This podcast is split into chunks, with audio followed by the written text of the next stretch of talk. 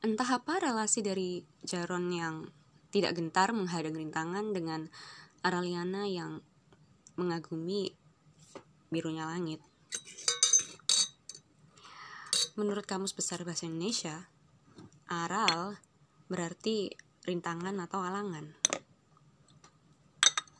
Aral gendala ialah alangan yang muncul dengan tidak disangka-sangka. Sedangkan aral melintang ialah kata lain dari aral gendala. Jaron memaknai aral sebagai sebuah ketidaksempurnaan yang melengkapinya. The ultimate epitome of imperfection. Namanya Araliana Ayu Agatha Putri. Namun, ia hanya dikenal sebagai Araliana. Araliana tidak merasa pantas untuk menyandang nama yang cantik dan segala keperempuanan dari kata sifat itu.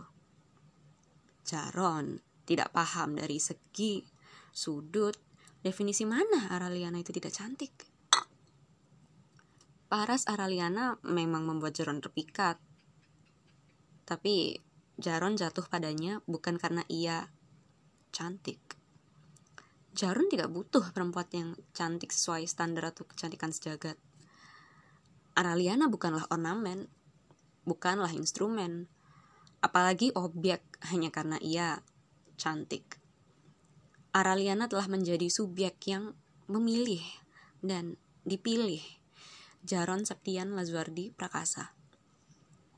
Seperti Kamus Besar Bahasa Indonesia memaknai Lazuardi, Araliana memaknai Jaron layaknya warna biru muda yang mewarnai langit. Fajar Rekah menggiring Jaron pada kegiatan bermusiknya dan Araliana pada kegemarannya untuk menari.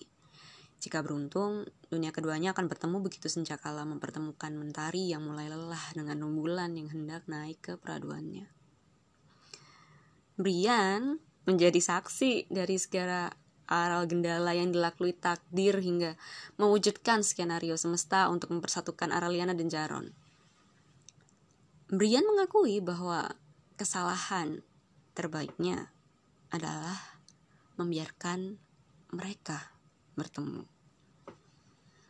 Cara Brian menebus kesalahan itu ialah membiarkan keduanya bersatu.